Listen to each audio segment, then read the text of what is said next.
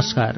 उज्यालो radio नेटवर्कको कार्यक्रम श्रुति सम्वेकबाट प्राविधिक साथी सङ्घर्ष विष्टसँगै म अच्युत घिमिरेको स्वागत छ।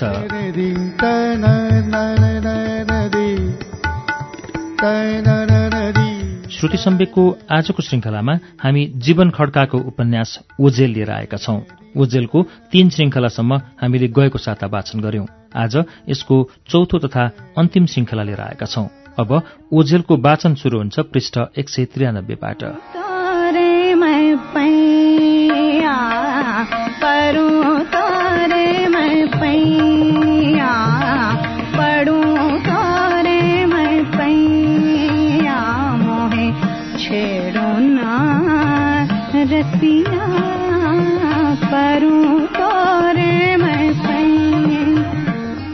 सधैँ जसो। आज पनि कलेजबाट फर्कने बित्तिकै ठमेलतिर उत्तिए। इबा उपन्यासको अन्तिम काममा निकै व्यस्त थिए। नुवाकोटबाट फर्केपछि त झन् उसको कामको रफ्तार निकै बढेको थियो। म पुगेपछि बल्ल उसको हात ल्यापटपको किबोर्डबाट हट्यो र भनी हाई तिमी आइपुग्यौ? तिमी आएपछि मात्र खाना खान्छु भनेर कुरिरहेकी थिएँ? उसको बोलीमा माया हो कि मादकता मिसिएको थियो। ल्यापटपको छेउमै आधा भरिएको कफीको मग थियो तर त्यसबाट कुनै बाफ निस्किरहेको थिएन। सोधेँ त्यो कफी कहिलेको हो? त्यसपछि पो उसलाई आफ्नो हुस्सुपनाको ख्याल भयो। भनी ओहो मैले त लेख्नुको सुरमै बिहानको कफी खानै पो बिर्सेछु।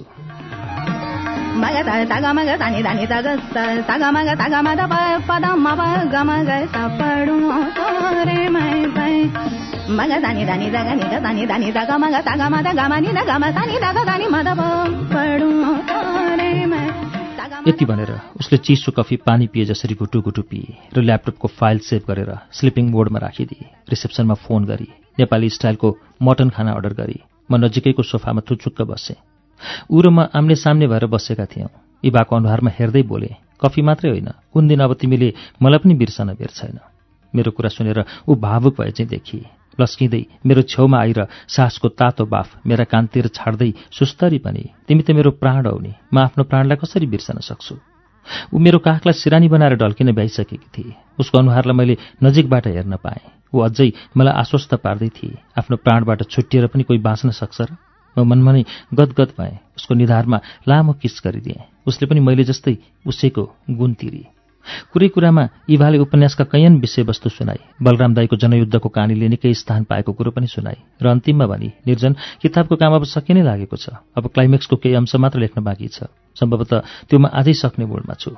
यति भनेर ऊ मुसुक्क हाँसी। उसको मादक हाँसो मेरा निम्ति सबैभन्दा प्रिय वस्तु बन्दै गइरहेको थियो। किनभने उसको हाँसोले मेरो आँत सर्लक्क खुलेको आकाश जस्तै हुन थालेको थियो। इभाले किताबको काम सकिने लागेको कुरा सुनाउँदा म झस्केको थिएँ। मेरो मनको बारीमा एकैचोटि फुरुरु शीत परेर ढाकिए जस्तो चिसो भएको थियो। इभाको किताब लेख्ने सपना पूरा हुनै लागेकोमा खुसीले मनको दायाँ पाटो रमाइरहेको थियो भने मनको बायाँ पाटो बेखुसी थियो किनकि इभा काम सकेपछि जर्मनी फर्किनेवाला थिए।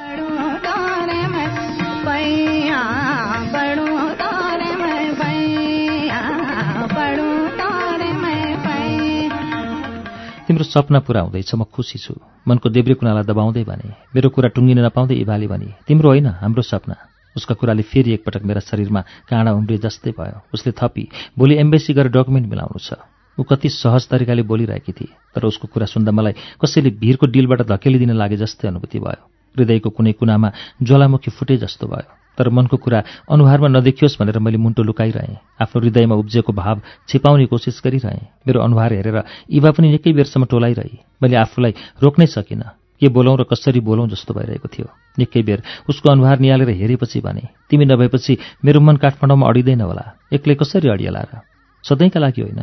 किताबको सम्पादन र प्रकाशनको काम सक्ने बित्तिकै म नेपाल फर्किहाल्छु नि। तिमी केही समय प्रतीक्षा गर्न त सक्छौ। हाम्रो एउटा सपना पुरा गरेर फर्किने बित्तिकै अर्को सपना पुरा गरौँला। पशुपतिनाथलाई साक्षी राखेर म तिम्रो दुलै बन्ने छु अनि यो जिन्दगी दुःख सुख बाँडेर सँगै सँगै बिताउँला।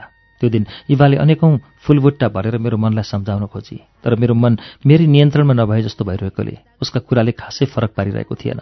मासुको झोलसँग सपासप भात खाएँ अनि सोफामा उसै गरी लम्पसार परेँ।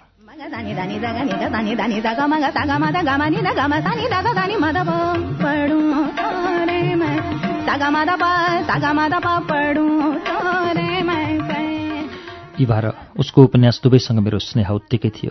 यही उपन्यासको विषय खोज्ने कामले हामीलाई सुरुमा साथी र पछि मायालु जोडी बनाइदिएको थियो। यसैका निम्ति हामीले काठमाडौँका गल्ली र काठमाडौँ बाहिरका अनेक ठाउँ चाहेका थियौँ। कहिले काँडाले कोतरिँदै कहिले गेगरमा घस्रिँदै कहिले हिलोमा चिप्लिँदै छोटा र लामा दूरीहरू छिचोलेका थियौँ। यसरी चाहर्दा हामीले उपन्यासका शब्द मात्र खोजेनौँ। हामी केवल साहित्यका भावमा मात्र सीमित रहेनौँ। प्रेमका नयाँ नयाँ रङ्गहरूमा आफै रङ्गिने अवसर समेत पायौँ। मेरो मनमा उम्रिएको प्रेमको पालुवाले यही बीचमा हुर्कने र फुल्ने अवसर पाएको। बेला बेला यस्तो लाग्छ। उपन्यासका प्रत्येक शब्द हाम्रो प्रेमका साक्षी हुन्। कहिले पानीमा रुच्दै एकअर्काको मनका भावनाहरू साट्यौँ। कहिले आँसुमा भिज्दै दुःख बाँड्यौँ। कहिले कान्ला र खोल्साबाट बुर्लुक्क उफ्रँदै हाँसो बाँड्यौँ। प्रेमका अनगिन्ती रङहरूले एकअर्काको हृदयको कोमल चित्रपटमा हामी लतपतियौँ पोतियौँ। त्यहाँ राम्रादेखि नराम्रा हुनेदेखि नहुने अनगिन्ती तस्बिर बनायौँ। यी तस्बिर हेरेर हामी आश्चर्यचकित पनि भयौँ खुसी पनि। यो सबै अवसर पनि मलाई उपन्यासले नै दिलाइदिएको तथापि बाध्यता छ। अबको केही समय उभिना नै काठमाडौँमा बस्ने हिम्मत मैले जुटाउनु पर्नेछ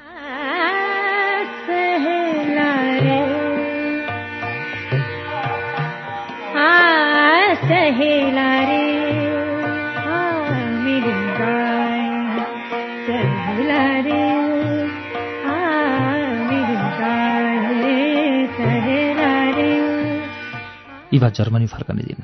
म उसको कोठामा पुग्दा ऊ आफ्ना कपडाहरू सुटकेसमा जतनसाथ प्याक गर्दै थिए। उसलाई देख्ने बित्तिकै मेरो गला अवरुद्ध भयो। उसका पनि आँखा रसिला भएछन्। रातभर नसुतेको जस्ता राता र चिम्सा पनि। अब म के गरौँ? आफै रुन थालौँ कि उसलाई सम्झाउन थालौँ?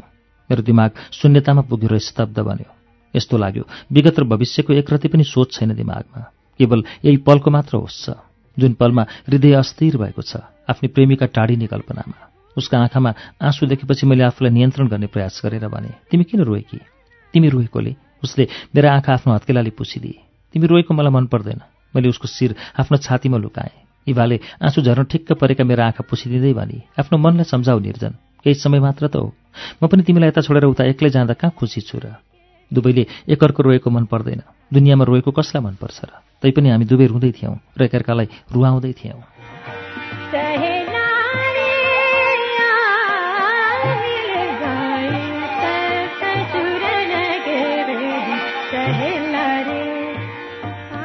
हामी प्रेम गर्छौँ एकअर्कालाई। यति बेलासम्म सँगै पनि छौँ। सँगै हुँदा पनि आज हामी बीचमा प्रेमका वार्तालाप पटक्कै भएका छैनन्। बरु त्यो प्रेमले रुवाई निम्ताएको छ। केही क्षणमा उनी टाढिन्छन् भन्ने सोच मात्र छ मेरो दिमागमा। त्यही सोचलाई नियन्त्रण गर्न नसक्दा आँखा धमिला र चिम्सा भइरहेका छन्। सधैँ हल्लीखल्ली र हाँसखेल हुने इबाको कोठामा आज वियोगान्त चलचित्रको दृश्यमा जस्तै विरहको मधुरो धुन बजिरहेको छ। इबा टाढिने कल्पनाले नै निसासिएको थिएँ म। ऊ उता गइसकेपछि कसो गरी आफूलाई सम्हाल्ने भन्ने कुरोले निकै तडपाइरहेको थियो। बोल्न खोज्थेँ तर घाँटी प्याक प्याक भएर किलकिलेसम्म आएको आवाज त्यहीँबाट हराउँथ्यो। मेरो त्यस्तो अवस्था देखेर युवा आफै पनि सुख सुख गर्न थाली। मैले उसलाई सम्झाउन खोजेँ। तर मुखबाट शब्दभन्दा आँखाबाट आँसु झर्न सजिलो भयो। ऊ मेरो अँगालोमा बाँधिएर सुक्ख सुक्ख गर्न थाली।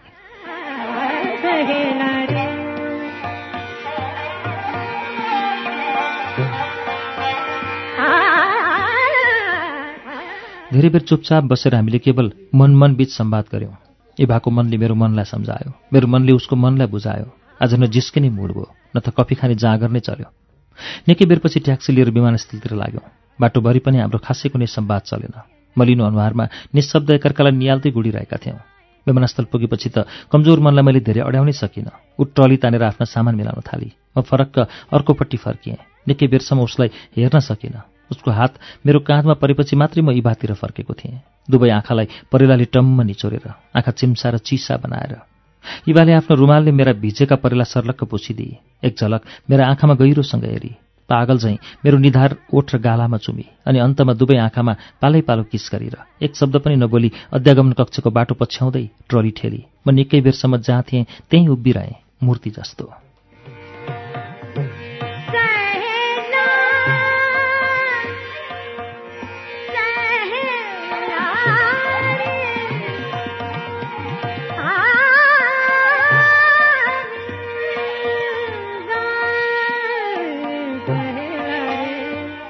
मेरो आँखाले उसले फर्केर हेर्छ कि भन्ने प्रतीक्षा गरिरहेका थिए। तर जसरी ऊ पहिलोपटक नेपालबाट जर्मनी फर्काँदा मलाई नहेरी गएकी थिए ठिक त्यसै गरी सर्लक्क अध्यागमन छिर्ने बाटोतिर ओझेल परे। उसले ट्रली गुडाउँदै हिँडेको दृश्य मेरो आँखामा बारम्बार आइरह्यो। कति बेलासम्म मैले त्यो अध्यागमन कक्षतिर निहालिरहेँ मलाई नै पत्तो भएन। इवालाई विमानस्थल छाड्ने बेला मेरो मन बसमा थिएन प्रेमको धागो छोडे जस्तो लट्टाइ नै हातबाट खसेर चङ्गा आफै हावामा उडे जस्तो कस्तो कस्तो अनौठो अनुभूतिले एकैचोटि छोपे जस्तो भइरहेको थियो। विमानस्थलबाट छुट्टिने बेला इवासँग बोलेको यति ठुलो यति कुरो मात्र याद छ। तिमी जहाँ पुगेर इन्टरनेट भेट्छौ त्यहीँबाट इमेल पठाऊ है। तिमी जहाँ पुगेर फोन गर्ने नेटवर्क पाउँछौ त्यहीँबाट एकल फोन गर है। त्यसले नै मलाई तिमी फर्कने दिनको प्रतीक्षा गर्ने हिम्मत दिलाउनेछ युवा।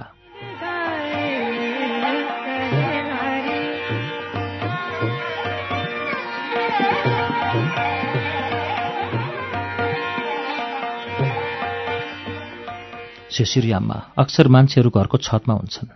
छतमा झुल्केको घाम ताप्दै सुन्तलाका केस्रा खेलाउन र बदाम छोडाउन खुबै रुचाउँछन्। काठमाडौँवासीहरू फेरि एकपटक फुर्सदिलो शिशिर छतमा बिताइरहेका थिए। टोकरीभरि रस भरिएका गोर्खाका गुलिया सुन्तला खाँदिएका साइकल ठेल्नेहरू पनि प्रशस्तै थिए। काठमाडौँका चोक चोक र गल्ली गल्लीमा मधुरो घाममा बसेको शिशिरको तुवालोले आकाश घुर्मैलो बनिरहेको थियो र त्यस्तै थियो मेरो मन पनि। इबा जर्मनी फर्केदेखि नै मेरो मन सुन्तला जस्तो गुलियो थिएन। कागती चाहिँ अमिलो भएको थियो। अनुहार भने सुन्तला बेचेर फर्केको टोकरी जस्तो महसुस भइरहेको थियो। कोठामा फर्किँदासम्म मैले आफूलाई एकदमै रित्तो निस्सहाय र कमजोर महसुस गरिसकेको थिएँ।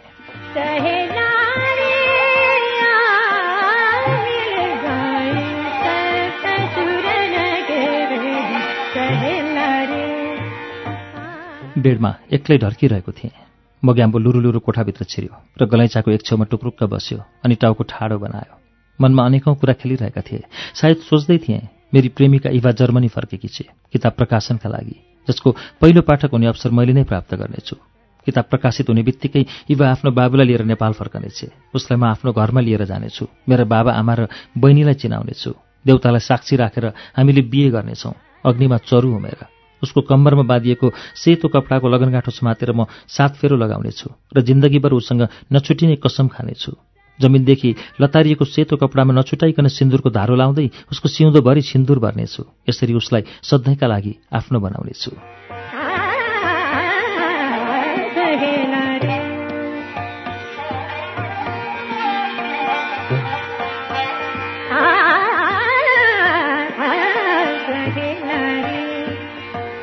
चरेसको थालमा भएको मधुपरको उसको मुखमा दलेर माहुर खुवाउनेछु। हामी जनै सुपारी र पैसा भुइँमा छरेर त्रिपासा खेल्नेछौँ। त्रिपासामा जसले जिते पनि आखिरमा हाम्रै जित हुनेछ त्यो हाम्रै प्रेमको जित हुनेछ। देउतालाई बाई बाई भन्दै इबाला लिएर घर जानेछु। दैलोमा धान पोखेर दुवैतिरबाट सासु बुहारी मिलेर पोखेको धान सोहोर्दै चुल्ठो पाथी गर्नेछन्। इबा बलेका जोरबत्ती आफ्ना पैतालाले कुल्चँदै मातृका पूजा गर्न जानेछे। मनभरि के के कुरा खेले के के कुनी। आफैलाई पत्तो भएन। एकैछिनमा खुसी भए जस्तो हुन्थे। फेरि एकैछिनमा मनको आकाशमा शङ्काको तुवालो टपक्क ढाकिन्थ्यो।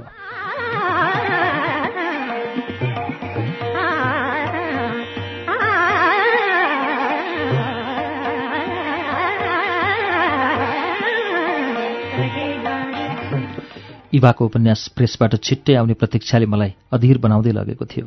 इभाको अनौठो शर्तका कारण मैले उपन्यासमा के लेखिएको छ भनेर पनि पढ्न पाएको थिइनँ। कहिलेकाहीँ लाग्थ्यो। उसले त्यो ड्राफ्ट छाडेर गएकी भए पनि त्यही पढेर ऊ आउने दिनको प्रतीक्षालाई केही सहज बनाउने थिएँ उपन्यासका हरेक अक्षर एक एक गर्दै पिउने तिर्खाले नसताएको होइन तर मैले उसँग जिद्दी गर्न चाहिनँ उसको चित्त दुखाउन चाहिनँ उसको शर्तमा कुनै अवरोध उत्पन्न गर्न चाहिनँ। सायद इभाको प्रेमले मलाई कमजोर बनाएको थियो उसको प्रेमले एकहोरो बनाएको थियो। स्मृतिका अनेकौं उकाली ओह्रालीमा मन कुदिरह्यो थाकिरह्यो। इभा जर्मनी फर्केको रात अबेरसम्म मलाई निद्रा परेन।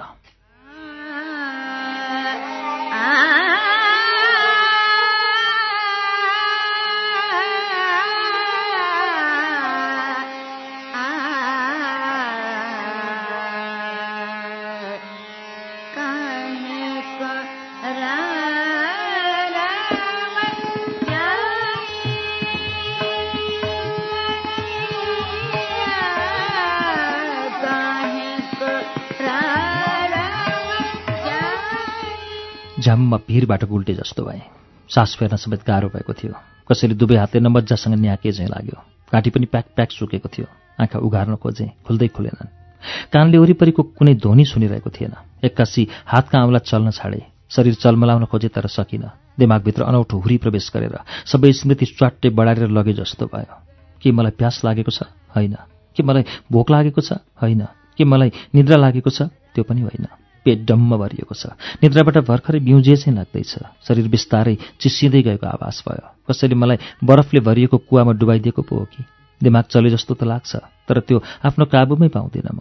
कतै तिखा काँडाले च्वास च्वास घोचिरहे जस्तो कतै सिस्नुले भत भत पोले जस्तो कतै तातो बाफमा बाफिए जस्तो अनकन्टार गुफाभित्र निसासिए जस्तो।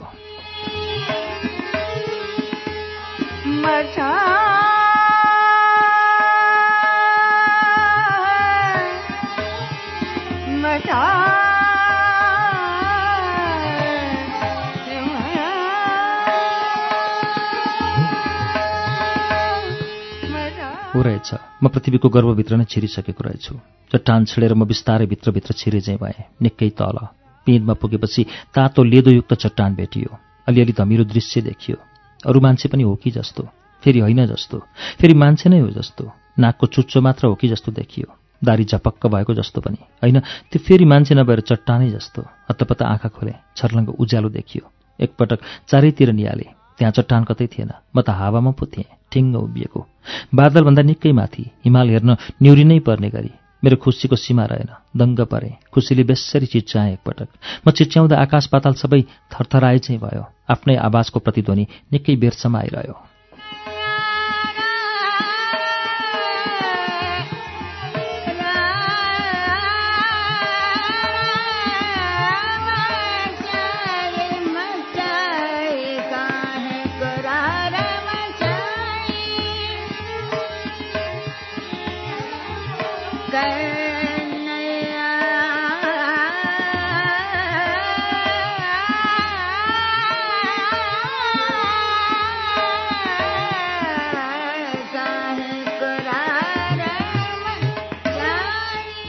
चल्यास भए निधारतिर छामे चरर र पसिना रसाएका थिए। छाती पनि पुरै भिजेको थियो। निस्सासिए जस्तो भइरहेको थियो। घाँटी सुकेर प्याक प्याक्ती भइरहेको थियो। जुरुक्क उठेर नजिकैको एक बोतल पानी घटघटी पिएपछि बल्ल त्राण आए जस्तो भयो। मलाई सपनामा ऐठन परेको रहेछ। अर्को रात पनि मैले त्यस्तै अनौठो सपना देखेँ। त्यही सपनाको सिक्वेल जस्तो। उस्तै बादलको काखमा। त्योभन्दा माथि। बादलभन्दा पनि ठूलो पहाड थियो। भर्खरै डढिलो लागेको जङ्गलबाट धुवा निस्के चाहिँ पहाडबाट निरन्तर सेतो कुहिरो निस्किरहेको थियो। त्यसरी निस्केको बाफ बिस्तारै बिस्तारै माथितिर उठिरहेको थियो। मैले आफ्ना आँखा निकै ठुला बनाइरहेको थिएँ। घाँटी तिनिक्क तन्काएर आकाशतिर उड्न खोजिरहेको थिएँ। निलो र सफा थियो आकाश। त्यही फुलेको पहाडबाट उठेका सेता कुइराका डफ्फा निलो आकाशमा काउलीका थुङ्गा जस्तै थुपुक्क थुपुक्क देखिएका थिए। ती काउलीका थुङ्गा उत्तरतिर मन्द गतिमा उस्तै आकृतिका साथ एक तमासले भइरहेका थिए।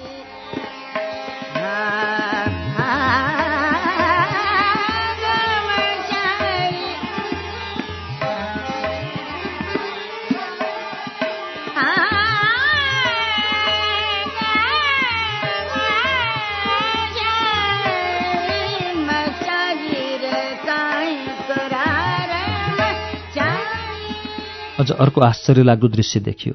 हिमालको शिरबाट सिधै एउटा झरना तल फेदीमा झरिरहेको थियो। कतै नठोकिकन निरन्तर खसिरहेको थियो। एउटा निश्चित आकारको ठोस वस्तु ठड्याए झैँ देखिएको थियो। त्यो झरना झरेको आकृति। मानौ त्यो झरना हिमालबाट होइन। त्यही काउलीका थुङ्गाबाट झरिरहेको छ। सिधै आकाशबाट खसिरहेको छ। फेदीमा एउटा बढी मानको सेतो पोखरी थियो। दुधको पोखरी जस्तो। झरनाको पानी एकदमासले पोखरीको बीच भागमा खसिरहेको थियो। पानी खस्दा पोखरीको बीचबाट निस्केको तरङ्गहरू बडैमानको पोखरीको छेउसम्मै पुगेका थिए र पानीका भुल्काहरूले पोखरीमा अचम्मको दृश्य सृजना गरिरहेको थियो। पानीका फोकाहरू बन्दै थिए फुट्दै थिए तरङ्गहरू लहराइरहेका थिए। एकैछिनमा केही अप्सरा जस्ता सुन्दरीहरू मेरो छेउ आइपुगे अनि मुसुक्क हाँसेर मलाई उनीहरूको पछि लाग्ने इसारा गरे। म केही नबोली लुरु लुरु उनीहरूको पछि लागेँ।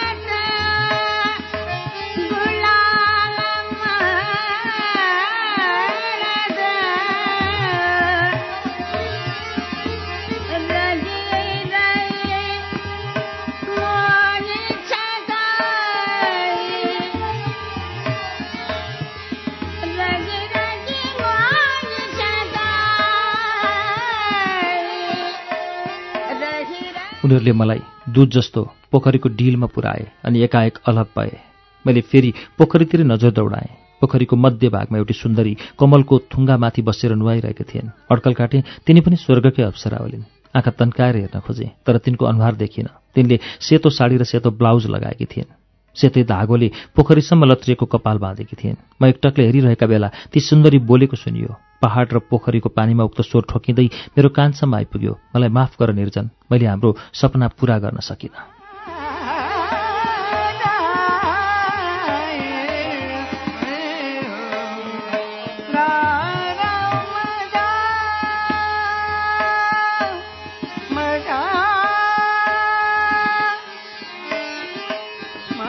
अकस्मात आएको आवाजले आङ ढक्क फुल्यो। मन त्यसै त्यसै अत्तालियो। ओठमुख सुके जस्तो भयो। रिङ्गटा चले जस्तो। शरीर नै आफ्नो बसमा नभए जस्तो। आँखा मिचेर हेर्दा ती युवती पोखरीमा बिलाइसकेकी थिइन्। वरिपरि हेरे। एकैछिन अघिसम्म देखिएको झरना हरियो पहाड केही थिएन। न थियो प्रकृतिको मोहक दृश्य। अगाडि पोखरी मात्रै थियो। बक्कानिएर जोडले चिच्याउने कोसिस गरे। आवाज निस्केन। दुवै हात काँटीमा लगेर छामछुम छामछुम गरे। अनि बिना सोचविचार त्यही पोखरीमा झ्वाममा आम फालेर कराए इभा झल्यास बिउजिए जिउ थरथर कामिरहेको थियो। लगाएका लुगा पसिनाले भिजेर लपक्कै भएका थिए। हत्तपत्त ल्यापटप खोलेर इमेल चेक गरे। इनबक्स रित्तो थियो। फेसबुक खोलेर इभाको प्रोफाइल हेरेँ। त्यहाँ उसले कुनै स्ट्याटस लेखेकी थिएन न कुनै फोटो नै अपलोड भएको थियो। म्यासेज बक्समा उसले मेरा निम्ति कुनै खबर पनि छाडेकी थिएन। मन सिताङ्ग भयो जस्तो भयो। फेरि आफैलाई सम्झाएँ। प्लेन डिले भयो होला। या त उसको मोबाइलको चार्ज सकियो होला। घर पुगेर पक्कै खबर गर्छे।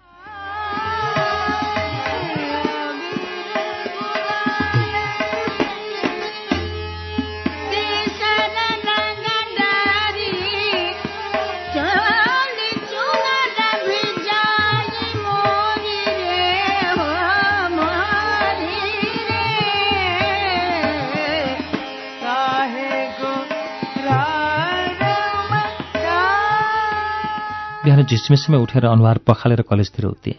मौसम चिसो भए पनि मेरो निधारभरि पसिना थिए। रुमालले निधार पुछेँ यही लैनचौरको बाटो हुँदै हामी हजारौँ पटक ओहोर दोहोर गरेका थियौँ। एउटै आइसक्रिम आलो पालो चाड्दै यही सडकमा कसैको प्रवाह नगरी हामी बिना भाव बिना उद्देश्य भौतारिएका थियौँ बेमतलबी। बाटोमा हिँड्दा हिँड्दै सयौँ पटक इभाले मेरो ओठ काला र निधारमा किस गरेकी थिए निसङ्कोच। काठमाडौँका गल्ली जहाँ पुगे पनि इभाको याद मात्रै आउन थालेको थियो। कुनै यस्तो गल्ली भएन होला हामीले नचाहेको। कुनै यस्तो परिकार भएन होला हामीले नचाखेको। उसलाई सबैभन्दा बढी लोकल कुखुराको मासुसँग मकैको ढिँडो मन परेको थियो।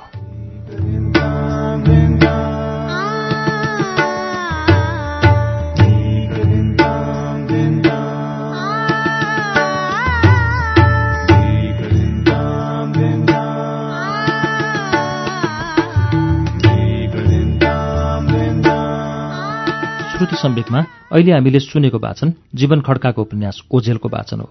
यसको बाँकी अंश वाचन लिएर केही बेरमा आउनेछौ। उज्यालो सुन्दै गर्नुहोला।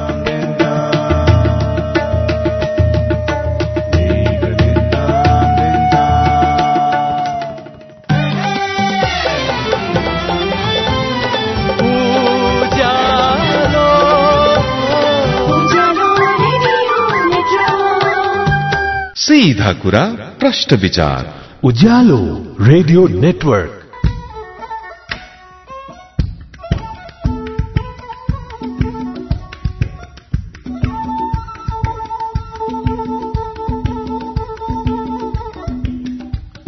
कार्यक्रम श्रुति सम्वेकमा तपाईँलाई फेरि स्वागत छ। श्रुति सम्वेक तपाईँ उज्यालो रेडियो नेटवर्क काठमाडौँसँगै देशभरिका विभिन्न रेडियो स्टेशनबाट एकैसाथ सुनिरहनु भएको छ। श्रुति सम्वेकमा हामी आज जीवन खड्काको उपन्यास ओझेलको अन्तिम श्रृङ्खला वाचन सुनिरहेका छौं। अब यसको बाँकी अंश वाचन सुनौ।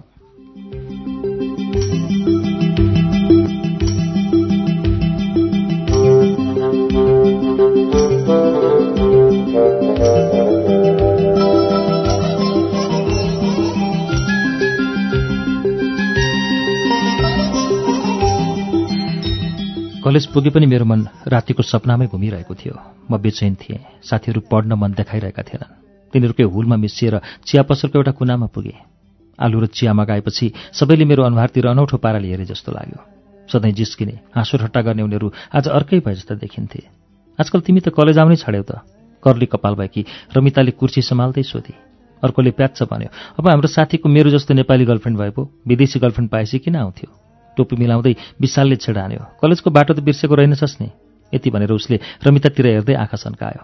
म धेरै बेरसम्म केही बोलिनँ। सुस्तरी भने गर्लफ्रेन्ड जो भए पनि मैले तिमीहरूलाई बिर्सेको छैन। साथीहरू सबभन्दा नजिकका आफन्त हुनु भन्ने मलाई राम्रोसँग थाहा छ। इभाको किताबको काम अन्तिम चरणमा थियो। त्यसैले बन्दोबस्त मिलाउनु पर्ने भएकाले ढिलो भएको। चिया स्वरूप पार्दै मैले उनीहरूको इभाको किताबबारे अनेकौँ कुरा सुनाएर अन्तमा भने त्यही किताब प्रकाशनका लागि ऊ हिजो फर्की। ए ऊ फर्केपछि पो हाम्रो याद आएको तिमीलाई? रमिताले पनि लस्केर बोल्दै छड्के आने। साउजीले रातो गिजा देखाउँदै फ्राई आलुको प्लेट हाम्रो टेबलमा राखिदिए। सिन्का पनि दिनुहोस् न दाई रमिता बोली। विदेशी केटीहरू त प्रेमका बारेमा निकै उदार हुन्छन् भनेको सुन्छु। अब तेरो अनुभवले के भन्छ? विशालले प्रेमको च्याप्टर खोल्यो। मैले आलुमा सिन्का घोचेर भने प्रेम देशी र विदेशी हुँदैन रहेछ। देशले प्रभाव नपार्ने रहेछ। जात र धर्मले तगारो नहाल्ने रहेछ। यस्तो वेशभूषा लगाएको मान्छेले प्रेम यस्तो हुन्छ भनेर पनि मापन हुँदैन रहेछ। प्रेम त केवल विशुद्ध प्रेम हुने रहेछ। व्यक्तिको हृदय र भावनामा निर्भर हुने रहेछ। मेरा कुरा सुनिरहँदा रमिता आलु खान पनि बिर्सेर टोलाइरहे जस्तो देखी। प्लेटको आलुमा घोज्दै गरेको सिनको नउठाइकन उसको हात प्लेटमै होल्ड थियो। एकछिनका लागि त स्ट्याचु जस्तै देखिएर भनी तिम्रो विचारमा पनि साहित्य बारिएछ विशाल पनि मलाई प्रशंसा गरेको अनुहार लगाएर एकहोरो घोरिरहेको थियो।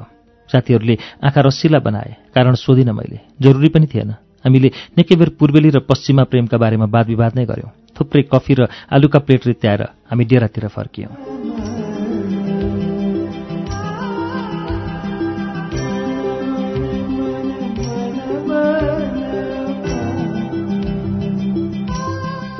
कोठामा फर्केपछि सबैभन्दा पहिलो काम भनेको इमेल खोल्नु थियो। खोलेँ अझै इनबक्स खाली थियो। फेसबुक खोलेँ देखायो one day ago Facebook log off गरेँ ल्यापटप फोल्ड गरेँ आलु र प्याजको झोलसँग भात सुपु खाएँ।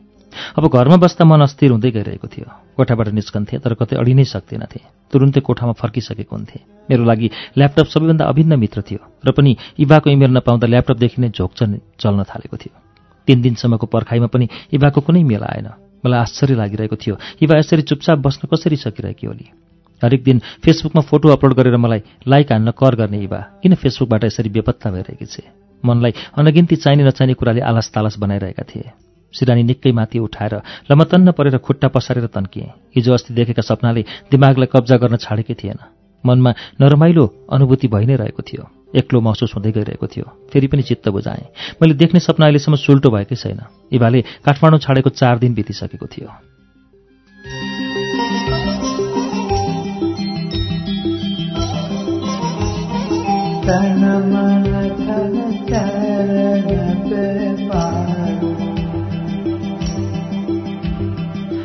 इभा फर्केपछि मैले आफूलाई जेनतेन सम्हालिरहेको थिएँ। किताब छापिएपछि फर्किन्छु भन्ने इभाको आश्वासनले मन सम्हालिए पनि बेला बेलामा आफैलाई सम्झाउन नसक्ने अवस्थामा पुग्थेँ र कोठामा दिनभर धुमधिम्ती बसिदिन्थेँ। त्यस्तो बेला रितेश दाईलाई सम्झिन्थेँ। प्रेमिकाले दिएको त्यति ठुलो चोट तिनले कसरी पचायो होलान्? नभन्दा एक बिहान रितेश दाई आए। मैले सबै कुरा बेली विस्तार लाएर भने दाई मन भतभत पोलिरहेको छ। केही महिना अघि म उनलाई सम्झाइरहेको थिएँ। केही महिनापछि उनी मलाई सम्झाउँदै थिए। दाइले धेरै कुरा सम्झाएर अन्त्यमा भने माया मर परेपछि मान्छे कमजोर हुन्छ केटा। यो कमजोरीबाट उम्किन सकियो भने सधैँका लागि बलियो हुन्छ। उनका कुरा नबुझे पनि मैले बुझे जसरी टाउको हल्लाएँ जसरी मैले समयसँग जुझ्नका लागि आग्रह गर्दा उनले नबुझिने भावमा टाउको हल्लाएका थिए।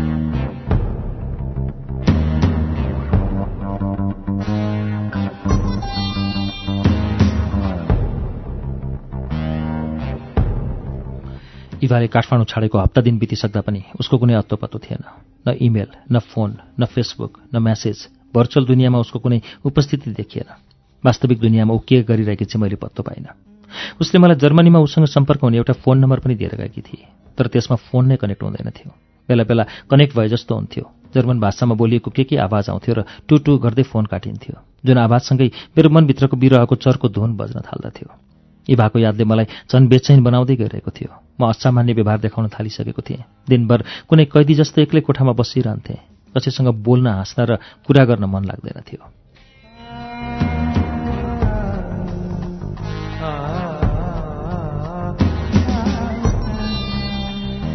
के साँच्चै पश्चिमाहरूको मनमा उब्जने प्रेम जीवन्त हुँदैन? मनमा केवल त्यही कुरो घुमिरहन्थ्यो। दिनहरू बडो अर्थहीन ढङ्गले बित्दै थिए। मन भनेको कुराको खेल मैदान रहेछ अनेकौँ कुराहरू खेलिबस्ने बितेको एक वर्षमा मेरो जिन्दगीले धेरै कुराको अनुभव गर्ने अवसर पाइसकेको थियो। प्रेमले मान्छेलाई कति खुसी दिने रहेछ पत्तो पाइसकेको थिएँ। उड्न मन लाग्थ्यो इभाको अवस्था बुझ्न मन लाग्थ्यो। दुई साता बिज्यो अझै उसको फोन आएन न इमेल न कुनै सन्देश। के उसको प्रेमीलाई एउटा इमेल पठाउँदा उसको किताब प्रकाशनमा बाधा हुन्थ्यो? उसले मलाई बिर्सन खोजेकी पो हो कि? कि किताब प्रकाशकले उसलाई हप्तौँ लामो बन्द सत्रमा राखेको छ? कि किताब प्रकाशन नहुँदासम्म उसलाई कसैसँग बोल्न र हाँस्नबाट वञ्चित छ? अनेकौँ आशंकाले दिमाग टम्म बारिन्थ्यो। तर त्यसको उत्तर कतै थिएन। आशंकाको उत्तर आशंका नै हुन्थ्यो। अनि फेरि म बेचैन बन्थेँ। छटपटीका बेला यस्तो लाग्थ्यो। मेरो शरीरभित्र अनगन्तु विषालु बिच्छी र गोमन सर्पसाल बलाइरहेका छन्। काठमाडौँमा बस्नै नसक्ने थाले जता गए पनि उसैको मात्र याद थियो। हरेक चोक हरेक गल्ली जताततै।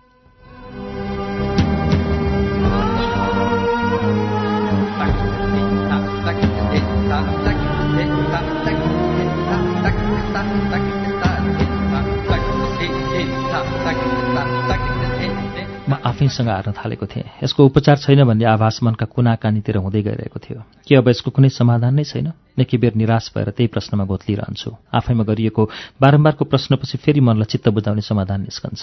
यसको समाधान छ यसको औषधि छ। जुन औषधिले एक सेकेन्डमा नै मेरो यो दर्दलाई लाखौँ माइल टाढा पुर्याइदिन सक्छ। समस्या भएपछि समाधान नहुने कुरै भएन। यो मेरो मुटु छेड्ने पीडाको उपचार हो इभाको प्रेम। मेरो हृदयमा भएको छटपट्टिको क्याप्सुल नै त्यही हो। एक रात पटक्कै निद्रा परेन। झन्डै एघार बजेको थियो। जुरुक्क उठेर छतमा उक्लिएँ। मलाई देखेर निलो आँखा बालेर एउटा कालो बिरालो छिमेकी घरको छतमा फुत्ता आम फाल्यो। मेरो आँत त्यसै चिसो भएर आयो। आकाशतिर फर्किएँ। हेर्दा हेर्दै एउटा तारा आकाशको मध्यभागबाट चिप्लिँदै धरतीतिर खसिरहेको थियो। त्यो सत्य थियो कि मेरो मनको तर्कना या भ्रम थियो। खुट्याउनै सकिनँ। चर्कोसँग म चिच्याएँ। यी बा तिमी जहाँ रहे पनि सधैँ खुसी रहनु। तिम्रो आँखामा कहिल्यै आँसु नबगोस् थचक्क छतमा बसेँ। धेरै बेरसम्म आँखा चिम्लेर घुँडामा टाउको राखेर बसिरहेँ। आँखा खोलेर हेर्दा म निष्पट्ट अँध्यारोले घेरिएकै थिएँ। धेरै बेरपछि ओछ्यानमा आएर पल्टिएँ। सिलिङ फ्यानको डन्डीमा एकहोरो हेरिरहेँ। कहिले नबाल्ने लाइट ल्याम्प नाइट ल्याम्प बालेर बसिरहेको छु। कोठामा भएका सबै बत्ती बलिरहेका रहेछन्। सायद म अँध्यारोसँग डराउँदै गइरहेको थिएँ।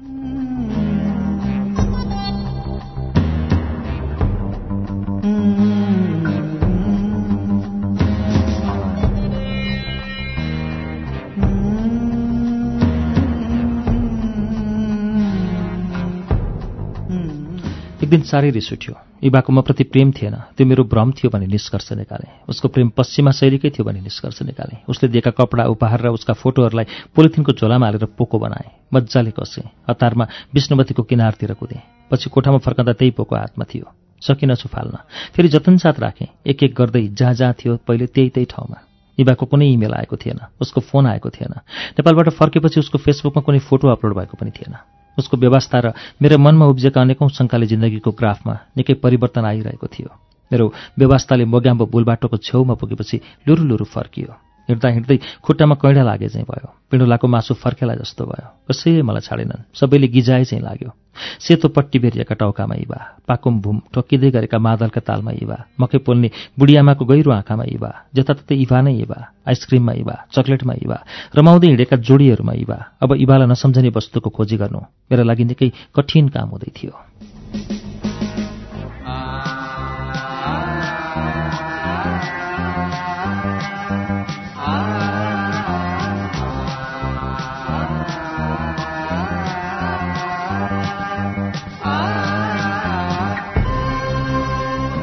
फटाफट हिँड्दै म बसन्तपुर पुगेँ। ह्याम्पी टेम्पलको सिँढी उक्लिएँ। त्यहाँ त झन् इभा नहुने कुरै भएन। उसको र मेरो पहिलो भेट नै त्यही ह्याप्पी टेम्पलमा भएको थियो अनि त्यही ठाउँमा आइपुगेर थुचुक्क बसेँ जुन सिँढीमा म इभासँग पहिलो भेटमा बसेको थिएँ। आलो घामको पहिलो टाटोलाई पश्चिम पहाडले छोप्नै आँटेको थिएँ। छाती बुक बुक उफार्ने हो भने म फेरि ठमेलतिर गए हुन्छ। लाग्थ्यो ठमेल मेरो हृदयको सबैभन्दा ठूलो शत्रु हो जहाँ इभासँग मेरो दोस्रो भेट भएको थियो अनि इभा र मैले हाम्रो प्रेमिल समयको तीन चौथाइ भाग पनि ठमेलमै गुजारेको थियौँ। हिँडेको के भन्नु? लतारिरहेको थिएँ पाइला। चस्किरहेको थिएँ। कतै इबाले हात हल्लाएर बोलाइ पो हाल्छ कि? आँखा पल्याक पुलुक यताउता नचाउँदै पनि थिएँ।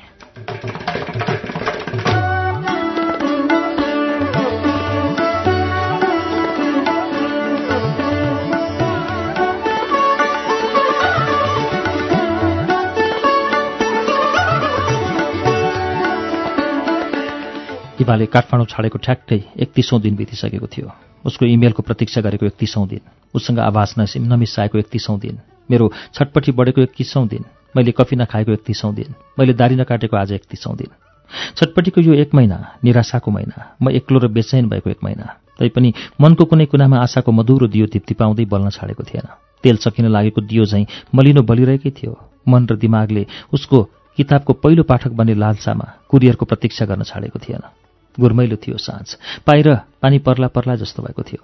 मैलाक मिलिक बिजुली चम्किरहेको थियो।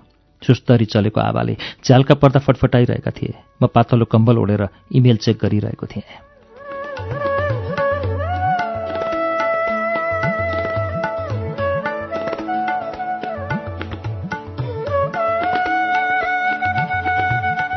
स्पाम इमेल डिलिट गर्दा झुकिएर कतै इबाले पठाएको इमेल पनि डिलिट गर्छु कि भनेर बडो सतर्क भइरहेको थिएँ। कुनै नयाँ नामबाट आएको इमेल देखेँ भने त्यो इभाकै नयाँ इमेल हो कि भन्ने खुल्दुली बढ्थ्यो जर्मन नाम शब्दकै एउटा नयाँ इमेल ठेगानाबाट आएको सन्देश इनबक्समा थुपुक्क बसेको रहेछ। इमेल नखोली धेरै बेरसम्म त्यो नामलाई पढिरहेँ। इभाको नामसँग मिल्ने नाम थिएन त्यो। मनमा तुलबुली बढ्यो। आँखा धपक्क बले। यतिका दिनसम्म बेखबर प्रेमिकाकै इमेल हो भन्ने कुरोले टुकटुकी तीव्र भयो। धेरै बेरसम्म इमेल खोलौँ कि नखोलौँ भन्ने लाग्यो। इभाकै इमेल रहेछ भने के लेखेकी होली सरी भन्दै आफ्नो कुरा सुरु गरेकी होली कि बाध्यताको लम्बेतान कथा लेखेकी होली या किताब छापी नै लागेको खुसीको खबर लेखेकी होली या त किताबको पहिलो प्रतिलिपि कुरियर गरेर पठाइसकेको खबर पो लेखेकी हो कि?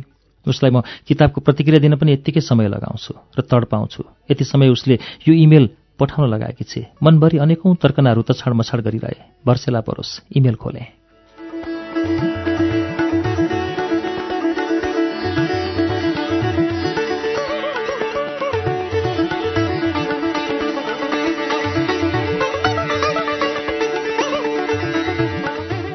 पहिलो वाक्यमै इमेल पठाउनेले उसको परिचय लेखेको थियो। त्यही परिचय पढेर मेरो मन ढक्क फुल्यो। इमेल इभाको बाबुले पठाएका रहेछन् भनेर बुझ्न मलाई धेरै बेर लागेन।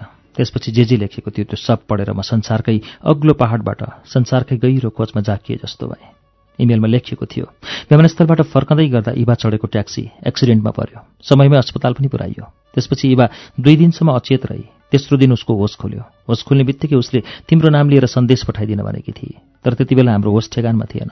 पाँचौँ दिन उसको मस्तिष्कमा जमेको रगत निकाल्ने अपरेसन गरियो।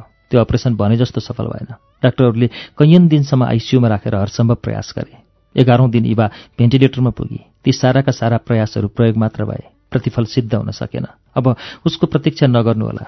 दुर्घटनामा इभाले तयार पारेको उपन्यासको सफ्ट कपी भएको ल्यापटप पनि फाइल रिकभर नहुने गरी ड्यामेज भयो। तपाईँसँग त्यसको प्रति भए हामीलाई पठाइदिनुहोला। इभाको सम्झनामा हामी त्यो किताब छाप्न खोजिरहेका छौँ।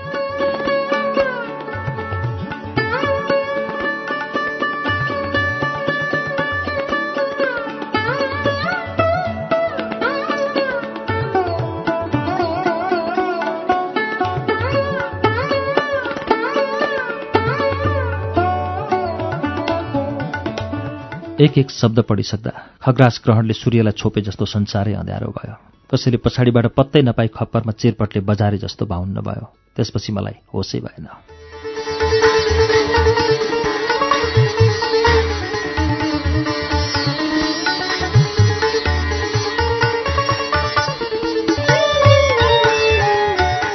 जीवन खड्काको उपन्यास ओझेलको वाचन हामीले आज पूरा गर्यौं चार श्रृङ्खला लगाएर यो उपन्यास श्रुति सम्वेकमा वाचन गरेर हामीले पूरा गर्यौं असार दुई हजार चौहत्तरमा पहिलो पटक प्रकाशित भएको यो उपन्यास ओजेलको भाषा शुद्ध शुद्धि राजेन्द्र ताराकिडीले हेर्नुभएको छ भने लेआउट आवरण सन्तोष कुमार दाहालले तयार गर्नुभएको हो। ओजेलको वाचन तपाईँलाई श्रुति सम्वेकमा कस्तो लाग्यो हामीलाई प्रतिक्रिया दिनुहोला। हाम्रो ठेगाना S H R U T I Shruti at UNN dot com dot NP रहेको छ।